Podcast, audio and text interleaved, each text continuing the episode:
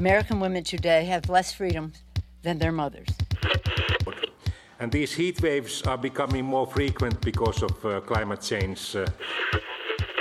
Inflation in the euro area is undesirably high, and this is a great challenge. Every image is a new discovery, and each will give humanity a view of the universe that we've never seen before. Бойовий досвід і може приєднатися до оборони України, повинен негайно прибути до відповідних центрів комплектації. We have had wars with Russia, and we don't want that kind of future for ourselves, for our children. Hasta la vista, baby!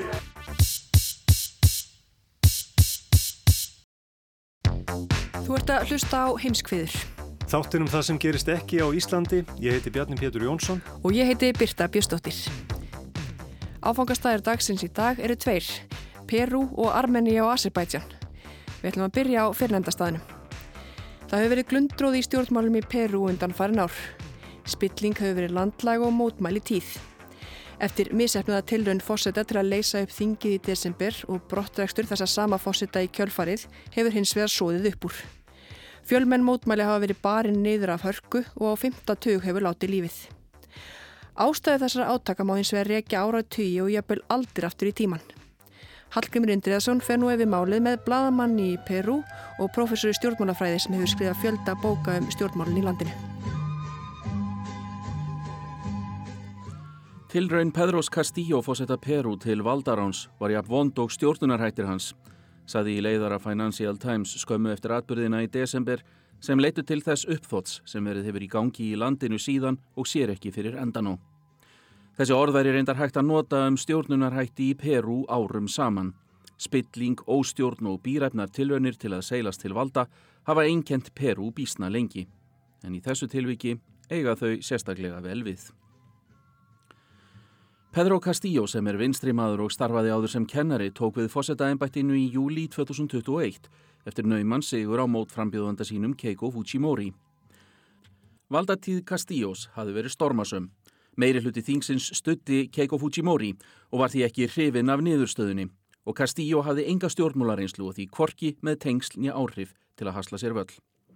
Það var stöðugt róta á ríkistjórn hans og meðal annars gengdu fimm manns ennbætti fósættisáþra á þeim 17 mánuðum sem Castillo var fósætti. 7. desember, þegar þingið hafi gert þriðju tilraun sína til að ákæra Castillo til ennbættismissis, flutti hann sjómasávarp. En atención al reclamo ciudadano a lo largo y ancho del país, tomamos la decisión de establecer un gobierno de excepción orientado a restablecer el Estado de Derecho y la democracia. Að kröfu almennings víða um landið höfum við ákveðið að skipa ríkistjórn um að halda uppi lögum, reglu og líðræði. Í því skyni er gripið til eftirfarandi aðgerða. Þingið verður leist upp og neyðaríkistjórn kemur í staðinn. Hún bóði til kostninga eins fljótt og hægt er og þingið setur saman nýja stjórnarskrá innan tíu mánada. Þarna var í raun gerð tilraun til valdaráns. Castillo þótti tauga ástyrkur í áarpinu. Hann var skjálfendur og las vélrænt upp af skrifuðu handriti. En tilraunin mistókst hrapalega. Hæstir réttur hafnaði tillögunni strax. Ríkistjórnin sagði af sér og kvorki lögreglan nýja herin gengu í lið með fósettanum. Þingið samþykti með yfirgnefandi meiri hluta að setja Castillo af sem fósetta. Aðeins nokkrum klukkustundum síðar neytist hann til að flýja fósettahöllina með fjölskyldu sína og var á endanum handtekinn. Fjölskyldan flúði til Mexiko eftir að hafa bóðist hælið þar. Varafósettin Dina Boluarte tók við 60 lögfræðingur og sjöundi fósetti Peru á rúmum sjö árum.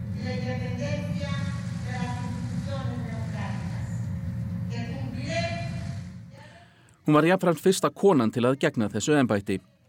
Ágreiningur millir hennar og Castillos hefur aukist á kjörtímabilinu og tveimur vekum fyrir þessa örlega ríku atbyrði hafði hún sagt af sér sem félagsmálar á þeirra. Nú er hún orðin fósetti nánast fyrir slisni. Með þessari tilhörn er talið að Castillo hafi ætlað að leika sama leik og Alberto Fujimori, fadir fyrirnemdrar Keiko Fujimori, gerði árið 1992. Hann gerði þingið nánast valdalust en satt á fósettastóli í átta ár eftir það. Það má segja að tvent hafi orðið til þess að Castillo tókst ekki það sem Fujimori gerði. Annarsvegar var Fujimori almennt vinsæl meðal þjóðarinnar á þeim tíma, ólíkt Castillo, og hinsvegar ræsti Fujimori út skriðdregana um leið og ákvörðunin var tekin, svona rétt til að tryggja að það erði lítið um mótmæli.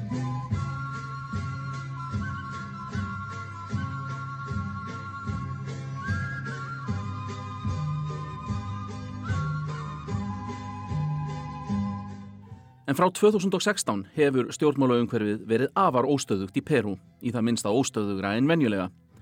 Frá þeim tíma hefur pólitíkin í stuttum álið þróast svona. Pedro Pablo Kuczynski er kjörinn fórseti í júli 2016 eftir naumann sigur á Keiko Fujimori. Árið 2018 er tvísvar reynd að ákæra hann til embættismissis fyrir að bæði þykja og bjóða greiðslur undir borðið. Það tekst í setnaskiptið og Kuczynski segir af sér í mars 2018. Martín Vískarra tekur við.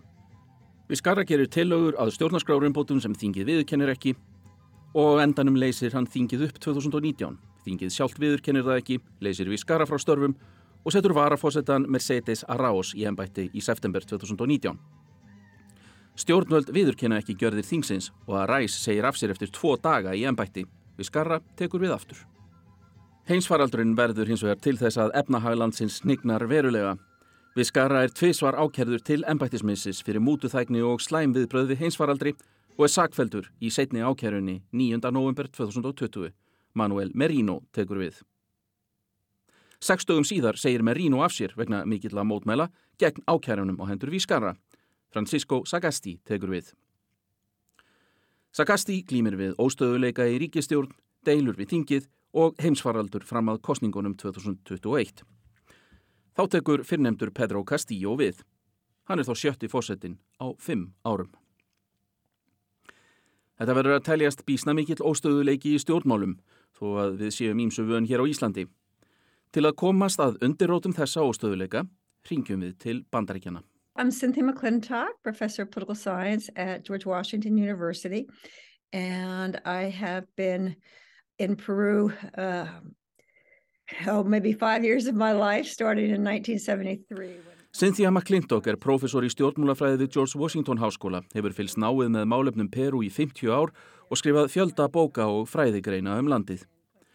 Hún segir hægt að rekja glundróðan aftur til landvinninga Spánverja á 16. öld þegar Aztekar voru sigraðir. I think it goes back as far as the Spanish conquest. Now the, uh, the heart of the Incan civilization was Cusco.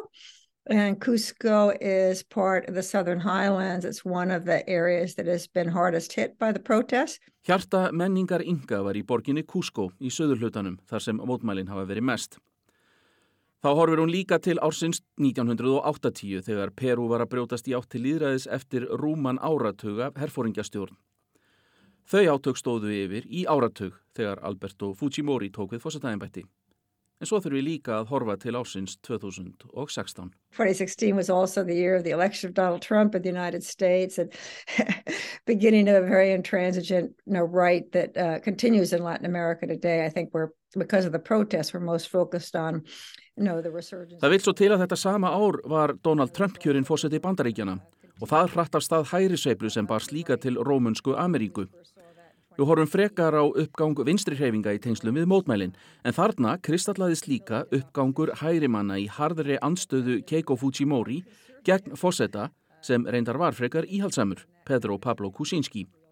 Þessi tókstreita hefur haldið áfram allar götur síðan en er orðin nokkuð floknari núna.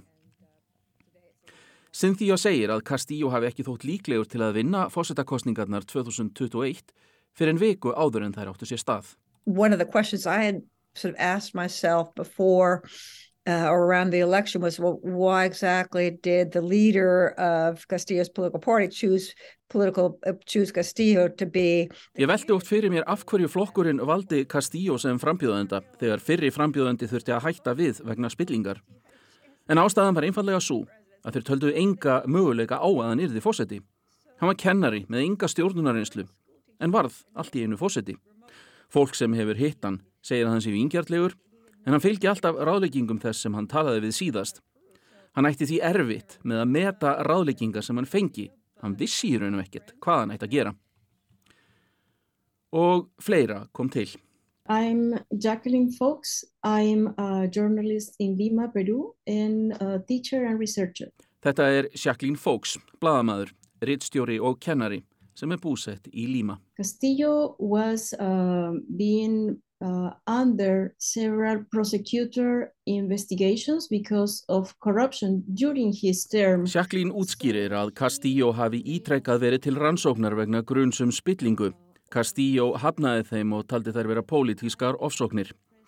Saksóknar að segja að Castillo sem lofaði að berjast gegn fátækt hafi aðalega hugsað um að standa við þetta lovorga hvert sjálfum sér og fjölskyldu sinni. Hann hafi tryggt sér mútugreislur við gerð ofinberra samninga og eiginkona hans mákona og tveir frændur hafi þegið góðgerðir úr þessum samningum. Eina ástæðan fyrir því að hann hafi þó enst þetta lengi er að þingið er enn óvinsætla en hann sjálfur. Og Castillo er langt frá því að vera fyrsti valdhafinn til að vera sakaður um spillingu. Hún hefur um ára bil verið gríðarlega stórt vandamál í Peru. En sinn því að bendir á að neykslismálinn hafi verið sérstaklega mörg undan farin ár.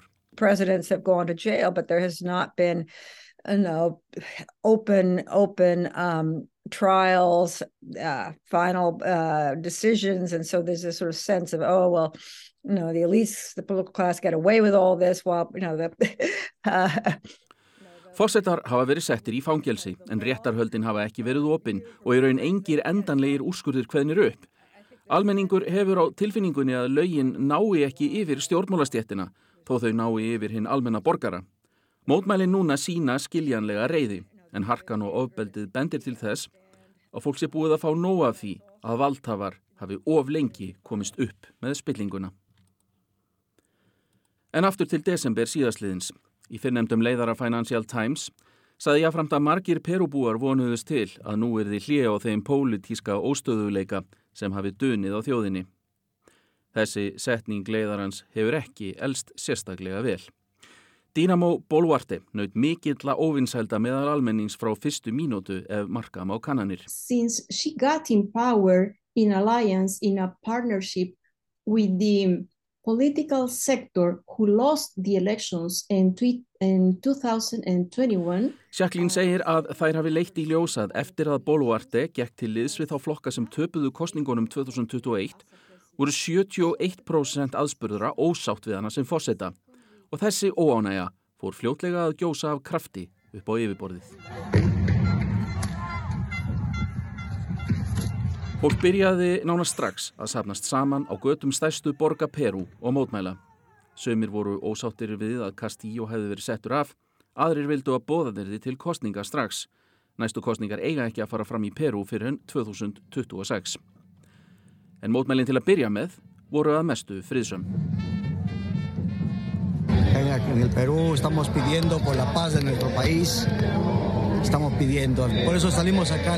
todos. Ósk mótmælenda var í sjálfu sér einföld að minnstakosti í borði.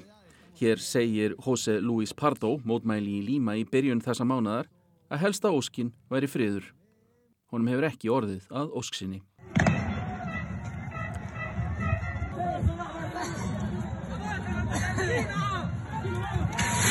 Jacqueline segir að mótmælin hafi byrjað í borgunum í söður hluta landsins.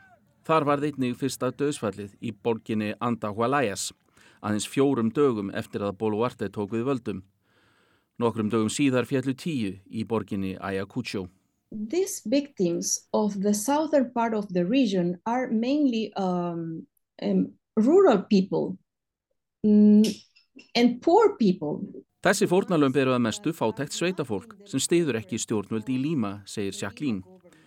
Þannig hefur þetta verið áratugum saman. Lögreglan og herin hafa, þegar átök og mótmæli hafa átt sér stað, myrt fátækt fólk í sveitum og bændur og enginn hefur borið ábyrð á þeim eftir öll þessi ár. Þetta er núna að endurtaka sig. Þegar þessi orð eru töluð hafa 46 látist í yfirstandandi mótmælum.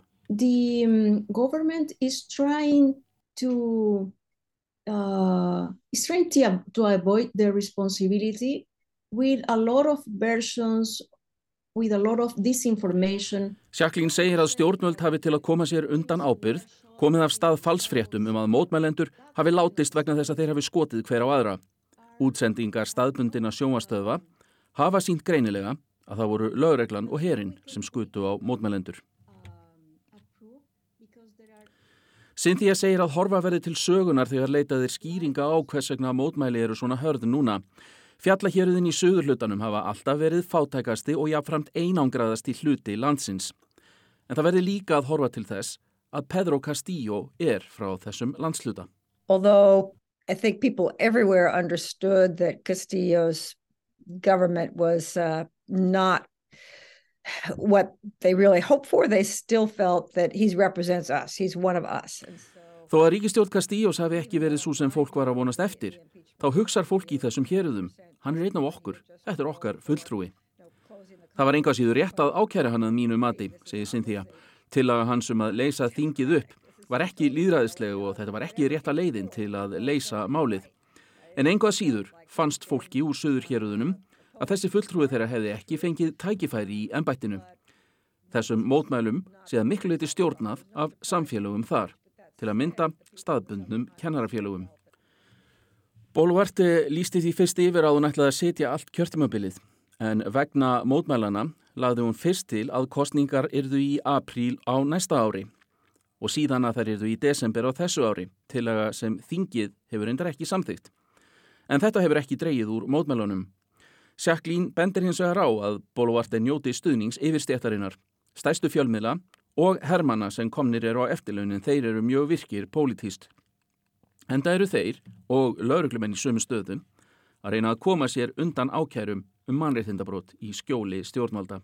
The, the military and the police uh, in, in, in retirement for years, for decades, they have been avoiding the accusations of human rights violation. Og nú er sagan sem sagt að endur taka sig, segir Jacqueline.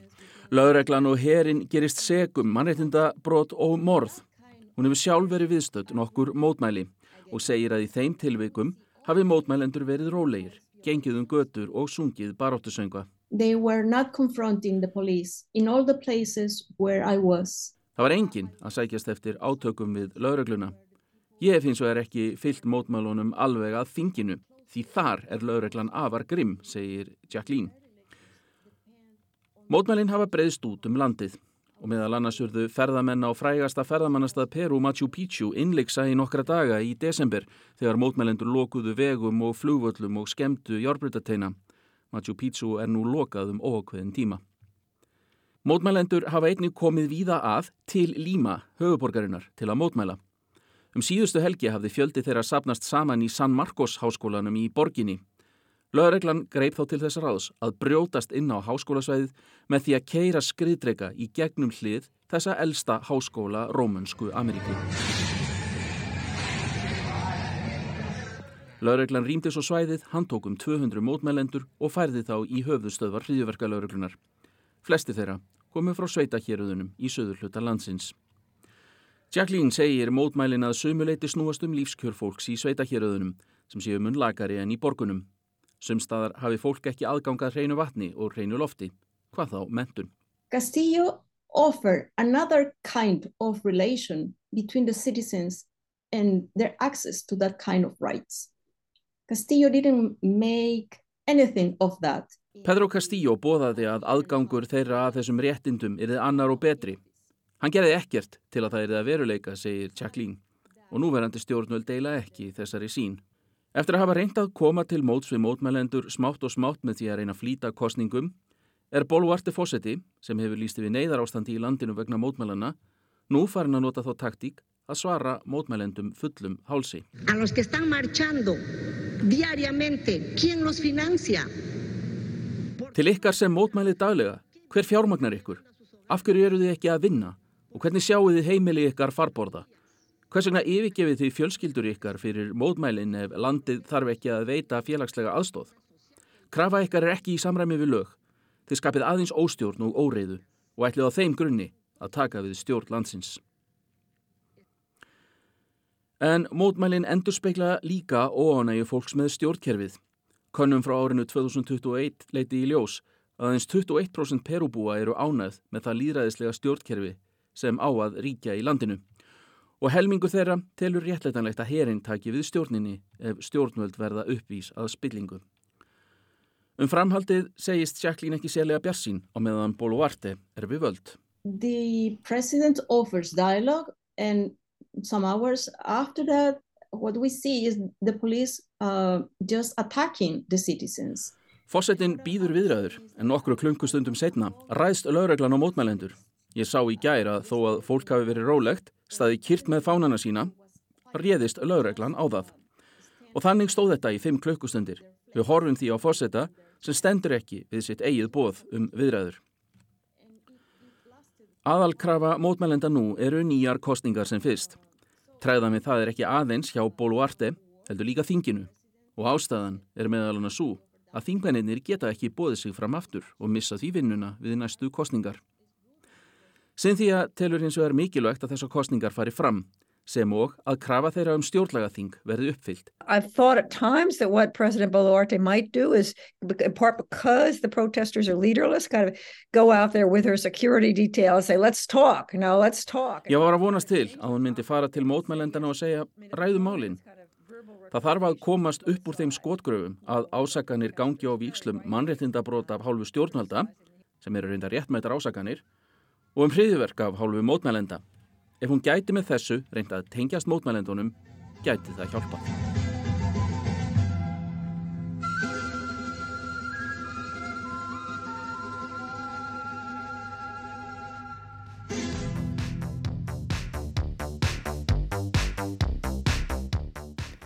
Níunda nóvember árið 2020 var samið um vopnallíu millir Armeni og Azerbaijan.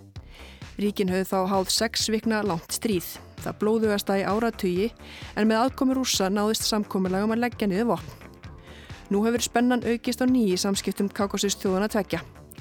Aserar hafa sett upp vegtalma og mikilvegan veg sem likur frá Armeníu og inn í umdelda Nagorno-Karabakh sem hefur skapað skort á matvælum, livjum og orgu fyrir íbúasvæðisins sem eru tæplega 150.000 og hætta er á mikilli hungusnið. Þeir sem standaða vegtálumunum eru umhverfis aðgerða sinnar sem mótmæla kólavinnslu á svæðinu en þeirra betur að gáð gæti máli verið flokknar en svo. Jóhannes Ólafsson tekur nú við. Ekkert látur á átökum milli Armena og Assera í Nagorno-Karabakh héræði. Asserar segjast hafa náð aftur svæðum sem Armenar herrtóku í átökum gerdagsins. Þjóðarleittuar hvetja til pólitískra lausnar í stað strísátaka. Formaður vináttufélags Asera á Íslandi segir stöðuna í Nagorno-Karabakh mjög slæma. Fólk týnir lífi hvern einasta dag. Þúsundir hafa neðist til að flýja heimili sín vegna strísátakana.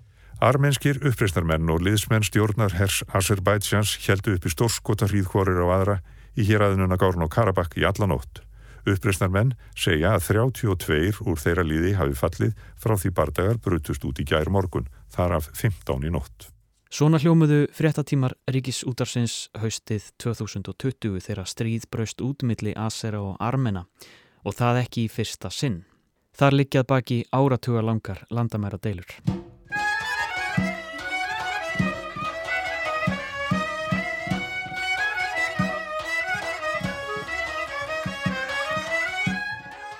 Það var 27. september 2020 sem jörð nötraði við sprengjugni í Nagorno-Karabakh sem var og er miðpunktur þessarar deilu.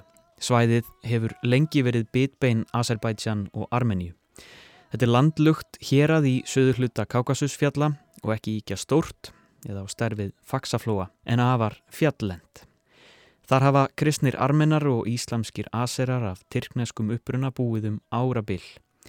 Þegar bolsevíkar tóku yfir landsvæði 1920 og það varð hluti af Sovjetregjónum var ákveðið að Nagorno-Karabakh myndi tilhera Azerbaijan en hafa ákveðina sjálfstjórn.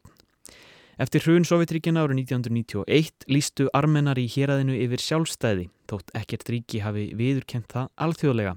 Það sé formlega á forræði Azerbaijan en armenar hafi stjórnaði. Þessi staða hefur síðan þá reglulega leitt til átaka. Fyrir áhuga söm var ítarlega fjallaðum langa og flókna sögu Nagorno-Karabakh, bæði hér í heimskviðum og í þætti veru ílladóttur í ljósi sögunar.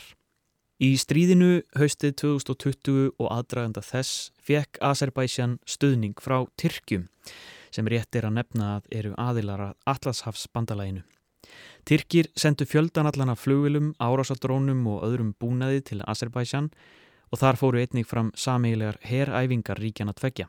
Með þennan stöðning letu Azerar til skarar skrýða og á aðeins rúmri viku náðu þeirra taka yfir stórt svæði í söðri og komist langt inn í Nagorno-Karabakh.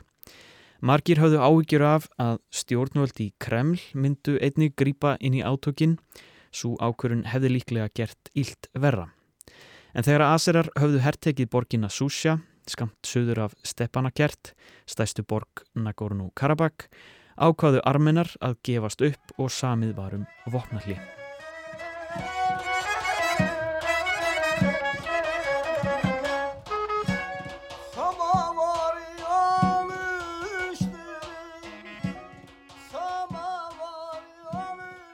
Þetta er eins og vopnilegur stundum, svona vopnileg sem enginn er beint ánæði með en allir gáttu lifa með um tíma. Þetta er Valur Gunnarsson, rithöfundur og sakfræðingur.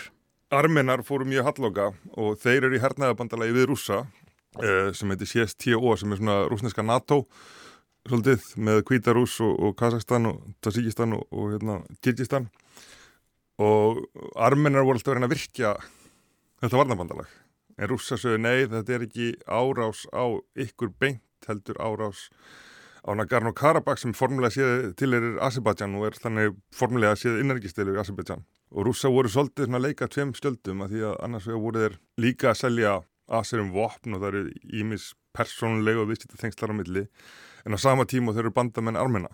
Þannig að þeir loksins ákveða stíga inn í áður en að kannski Armenia fellur alveg og kem og koma á friði og þarna eru rússar að sína þeir hafa töklinn og haldirnar í sínum bakgarði. Þetta er þeirra áhrifasvæði og þeir koma á friði sem að litlustrákunni verða bara samþykja og raunverulega ebla sín völd í báðum ríkjum. Þeir eru búin að sína eitthvað aserum að, að veist, nú segir við stopp og þá stoppiði en síðan líka sína eitthvað armenum að þeir eru með herstuðar og, og það er armenum að missa gríðarlega mikið land til að missa all landsvæði sem að tengdi Armeníu við Nagorno-Karabakh sem þeir hefði tekið yfir í, í fyrrastriði.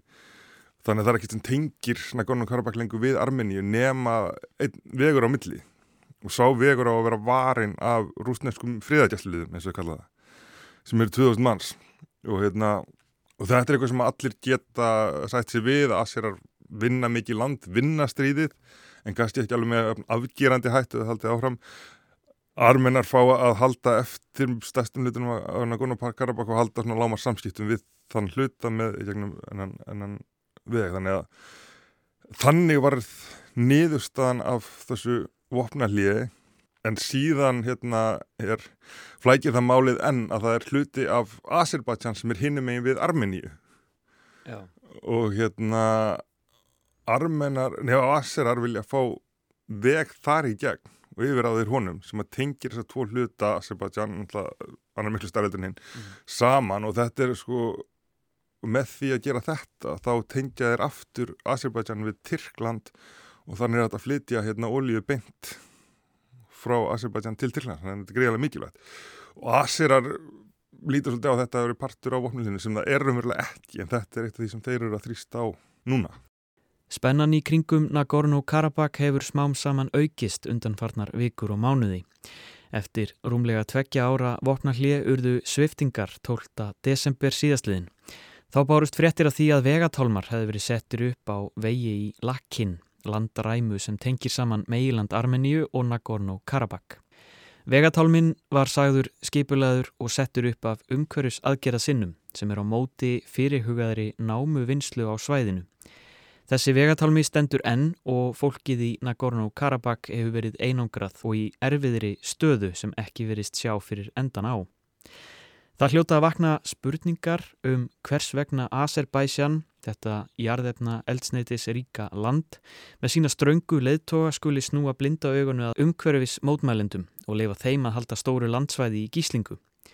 Yfirvöldi í Azerbaijan hafa stutt mótmæli aðgerra sinna og armenar saka Asera um að gera það viljandi eða jafnvel hafa skipulagt aðgerðnar og gaggrina um leið rúsnesk stjórnvöld fyrir að sitja hjá og reyna ekki að sjá til þess að vegurinn verði opnaður. Eins og sakir standa hafa verslanir í Nagorno-Karabakh lítið í sínum hillum annað en áfengi og salgeti. Livjabyrðir er af skortum skamti og það sama má segja um hreinlætisvörur og aðrar nöðþurftir. Til þess að íbúar geti keift mat hefur verið greipið til skömmtunar Rauðikrossin og rúsneskir friðagæsluliðar eru einu aðilarnir sem hafa aðgangað héræðinu til að koma brínum nöðsinum yfir. Í frétt New York Times í síðustu viku var fjallaðum stöðu mála, sérstaklega í ljósi áhrifa Rúslands á svæðinu.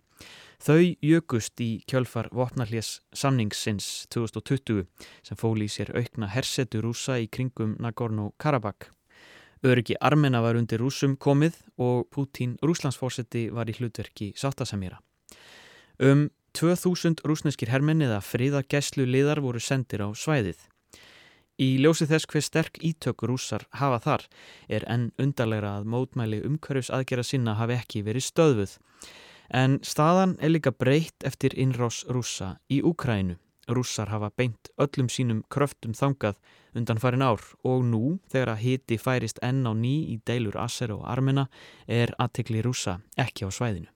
Já, sko ítök rúsa snúast svolítið mikið bara um ítök rúsa og það er svolítið bara markmið í sjálfuð sér um, sem að snýst uh, að miklu leiti um öryggisaksmunni og uh, einhvers konar taugaveiklun líka það er, það er ekki hægt að finna neinn efnagsleir rauk fyrir innvásin í Ukrænu en freka bara náttúrulega tilfinningarrauk eða hérna og líka einhvern óttafið um heiminn þannig að já, rúsar vilja uh, hafa ítök í svona okkar ríkjum til þess að uh, koma í vekk fyrir að aðri gera það kannski fyrst og fremst sko. og hérna því Tyrkir náttúrulega eru stundu samstagsmennin oft keppinættu líka og síðan er alltaf möguleikin á því að bandaríkin eða, eða Európaðan aðtökur koma inn þannig að það rúsar eru bara að halda, halda sínu sko. Azerbaijan hefur aukið sveirum til að beita valdi vegna þess hver litla aðtikli rússar sína svæðinu Tekjur Asser af jarðgasi hafa líka auðveldað þeim að kaupa mikið magn hátæknilegra vopna frá Ísrael og Tyrklandi. Sko það eru mörg flækjustíðana. Eitt er stundum verið kallað leikin mikla á, á 19. öldamilli breyta og rússa í mið Asju þar sem að hérna, breyta sótti frá Indlanda sunnan og rússar rúslanda norðan. Mm. Og þetta er á þessu svæði í Kákasus og í mið Asju í dag þá er eitthvað álíka að gerast.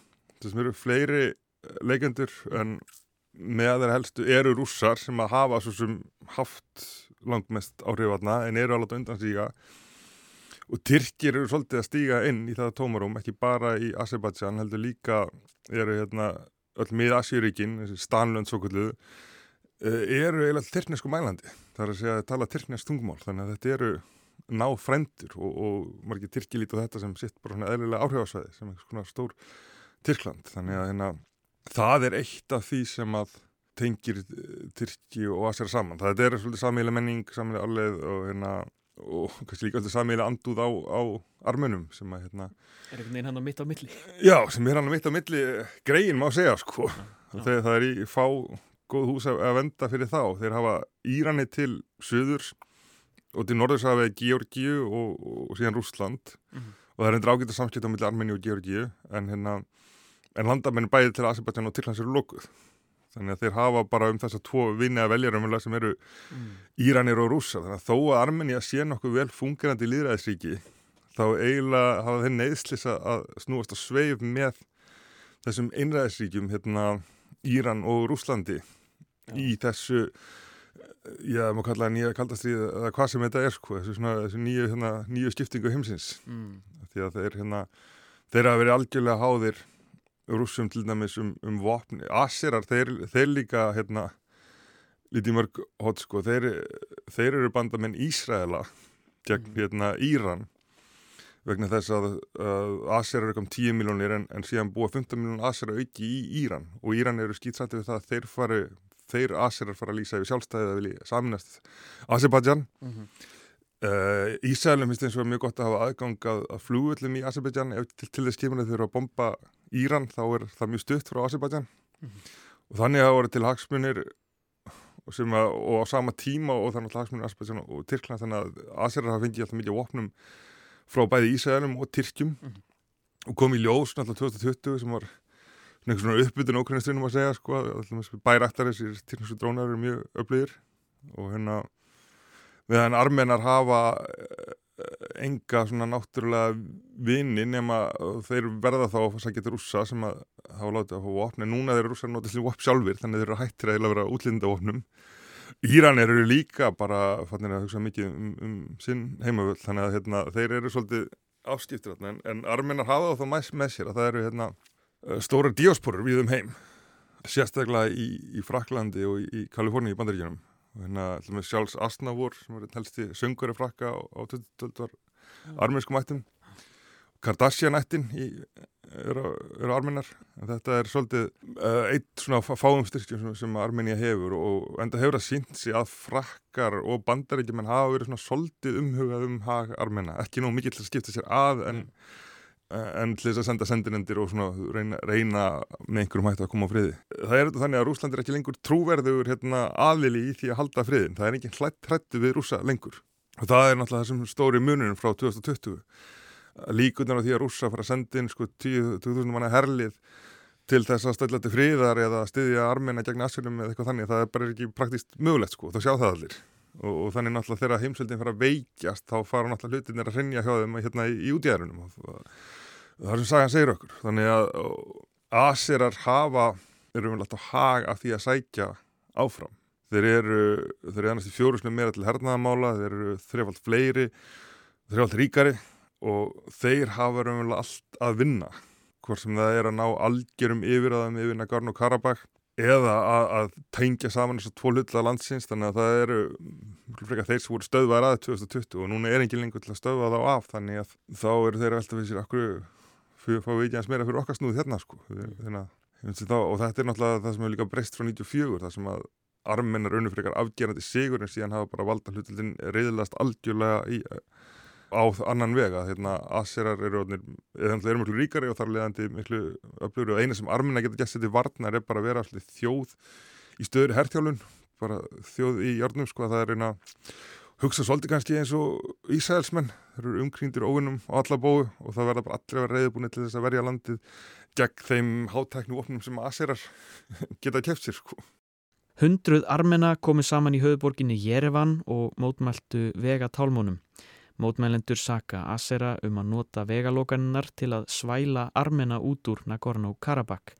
En Aserar virðast ekki líta á vegatálman sem neina lókun. Ilham Aliyev, fórseti Azerbaidsjans, sagði í sjómansviðtali í síðustu viku að vegurinn væri alls ekki lókaður. Armenar sem vildu yfirgefa svæðið getu farið hvena sem þeir vildu. Hvernig þessi fer það er að sína með þess að þeir eru verið að hafa algjör yfir á yfir Nagorno Karabakka hot sem þeir höfðu ekki á því með því að það er svo auðvelt að bara loka það af sko. Það er vist vöru skortur, orku skortur allt núna í Nagorno Karabakk auðljóslega eina sögulega sögulega fyrirmyndin er Bellinadeilan þegar Stalin reynda að sína fram og hann gæti lokað Vesturbellin af. En þá gerði ekki ræð fyrir því að bandamenn gæti hérna, séðu Vesturbellin fyrir vistum með flugulum og mér er að arminnar beðum um slíkt núna frá vestöldunum sem er ekki praktíst en, en arminnar hafa náttúrulega engar flugvilar í, í, í þessu magnilti geta þannig að Nagorno-Karabakh náttúrulega verður algjörlega skorin af og, og þetta er eitthvað sem Asra geta gert nokkuð tíman þegar þá listir sko sem að því náttúrulega það að þeir hafa Nagorno-Karabakh algjörlega í hendið sér og, og þessi 2000 rústinsku friðagjastaliðar sem að forminu samkvæmt eiga ég myndi að halda þessum vegi opnum Já. og það er, armennar hefði alltaf séð það að, að þeir geta þetta ekki sjálfur en, en þegar rússar ábyrðist þetta þá hérna var hægt að sem er frið en, þegar þeir uh, er ekki lengur líkli til að standa undir þeirri ábyrð eða, eða standa við sitt þá náttúrulega hafa aðsérar allt í hendi sér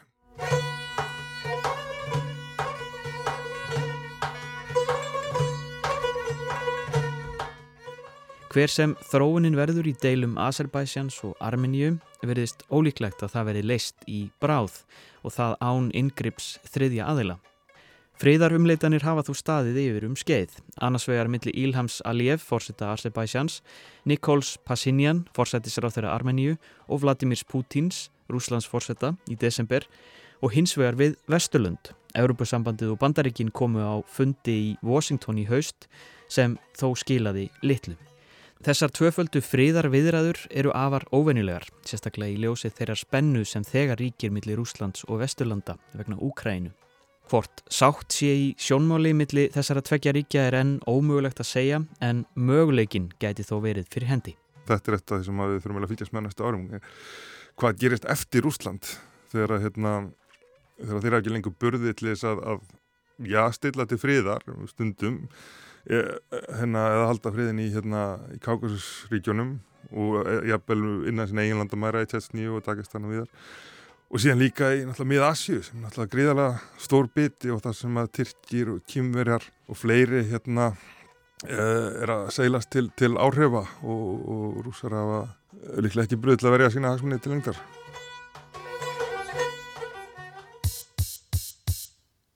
Þetta verða loka orðin í heimskviðum þessa vikuna. Við verðum hér aftur í á sama tíma í næstu viku. Takk fyrir að hlusta.